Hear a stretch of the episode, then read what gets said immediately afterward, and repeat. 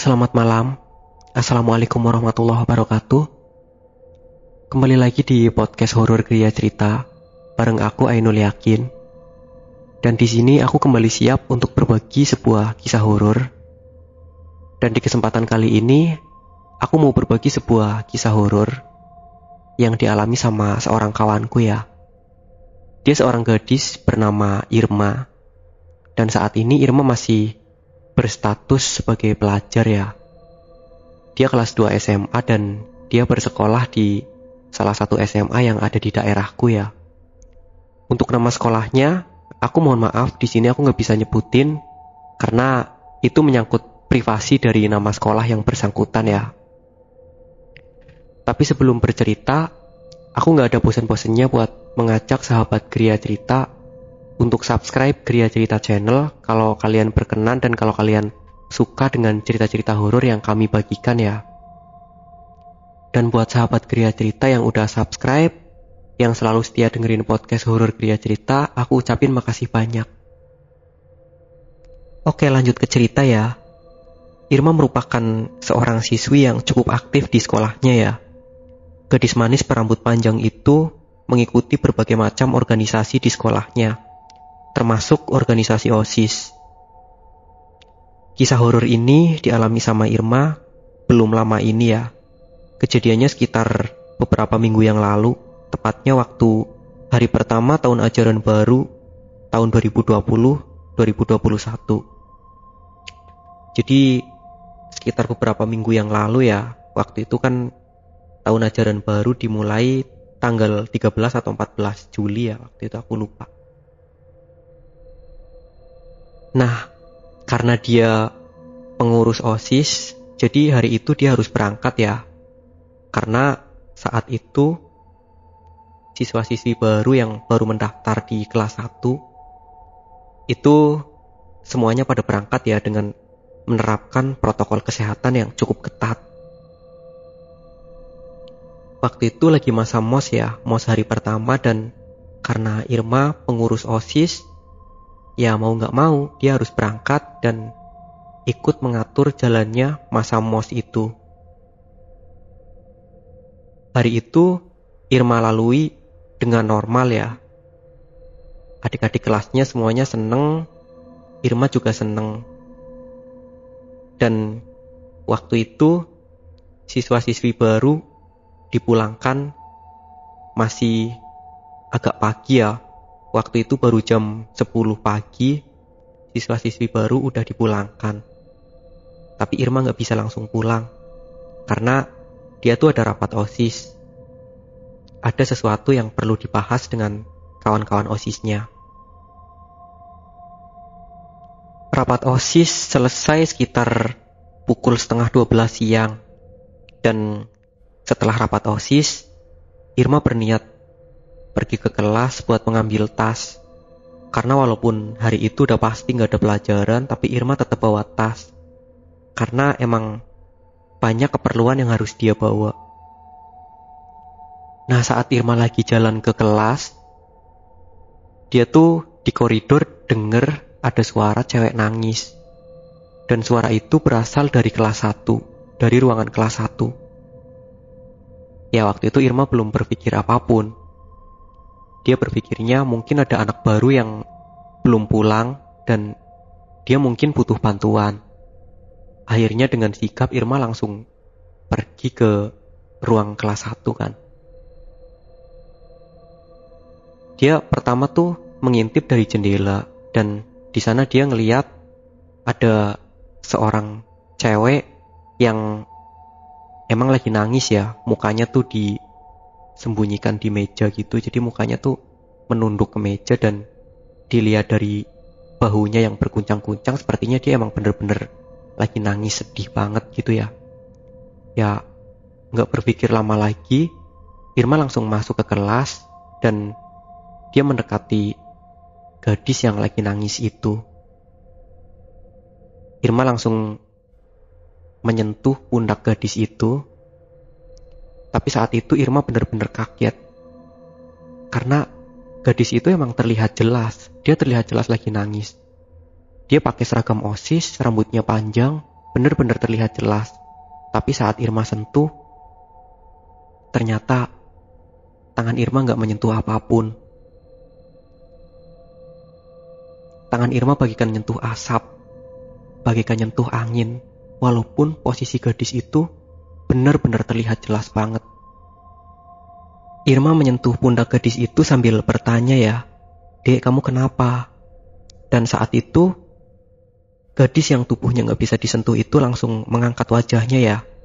Dan betapa kagetnya Irma ternyata wajahnya itu benar-benar rusak ya. Rusak karena terkena luka bakar yang amat parah. Saat itu Irma mematung sejenak. Dia sama sekali nggak bisa bergerak dan setelah dia menyadari bahwa sosok yang di depannya merupakan sesosok hantu, Irma langsung lari sekuat tenaga ya, sambil berteriak-teriak minta tolong. Dan saat dia sampai di koridor kelas, di depan ruang OSIS, Irma tuh langsung jatuh pingsan ya. Waktu itu anak-anak OSIS langsung menolong Irma dan bapak guru yang masih berada di situ, bapak ibu guru yang masih berada di sekolah, mereka juga langsung menolong Irma ya mereka membawa Irma ke ruang UKS dan berusaha menyadarkan Irma. Nah, saat Irma tersadar, dia tuh langsung kembali teriak ya, teriak ketakutan gitu, sambil tangannya tuh nunjuk-nunjuk sesuatu yang gak terlihat.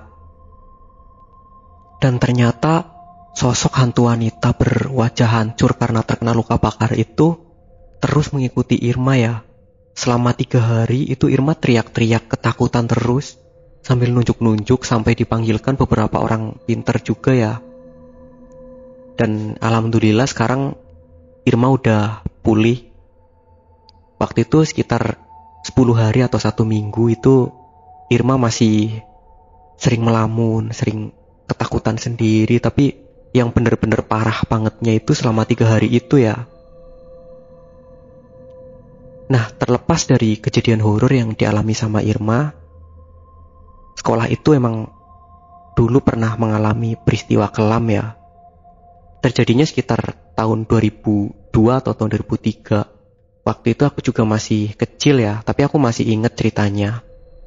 Sekolah itu tuh dulu emang pernah kebakaran ya, yang menelan beberapa korban jiwa dari siswa ya. Sekitar 4 atau 5 orang siswa waktu itu. Aku juga agak lupa ceritanya karena waktu itu aku masih kecil banget ya. Tahun 2002 atau tahun 2003an itu aku masih kecil banget. Jadi belum tahu bener lah.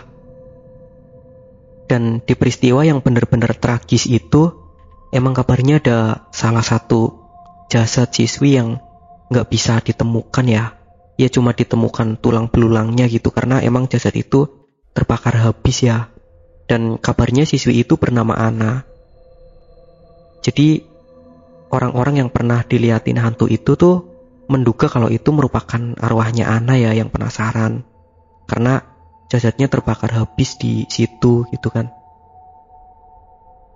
Dan sebelum Irma emang banyak ya kisah dari orang-orang yang pernah diliatin sama hantu Ana ini.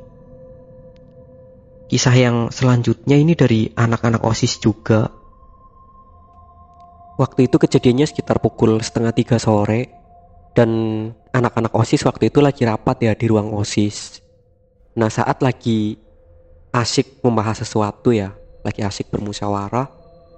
Nah itu tiba-tiba kecium kayak aroma daging panggang gitu ya, kayak aroma sate gitu. Terus anak-anak langsung pada menceletuk kan, uh punya sate oi gitu katanya. Nah, ada salah satu anak yang menceletuk, uh lapar juga ya, enak juga jam segini makan sate lagi lapar-laparnya gitu. Nah tiba-tiba sosok itu tuh muncul nembus tembok di salah satu pojok di ruangan osis itu ya.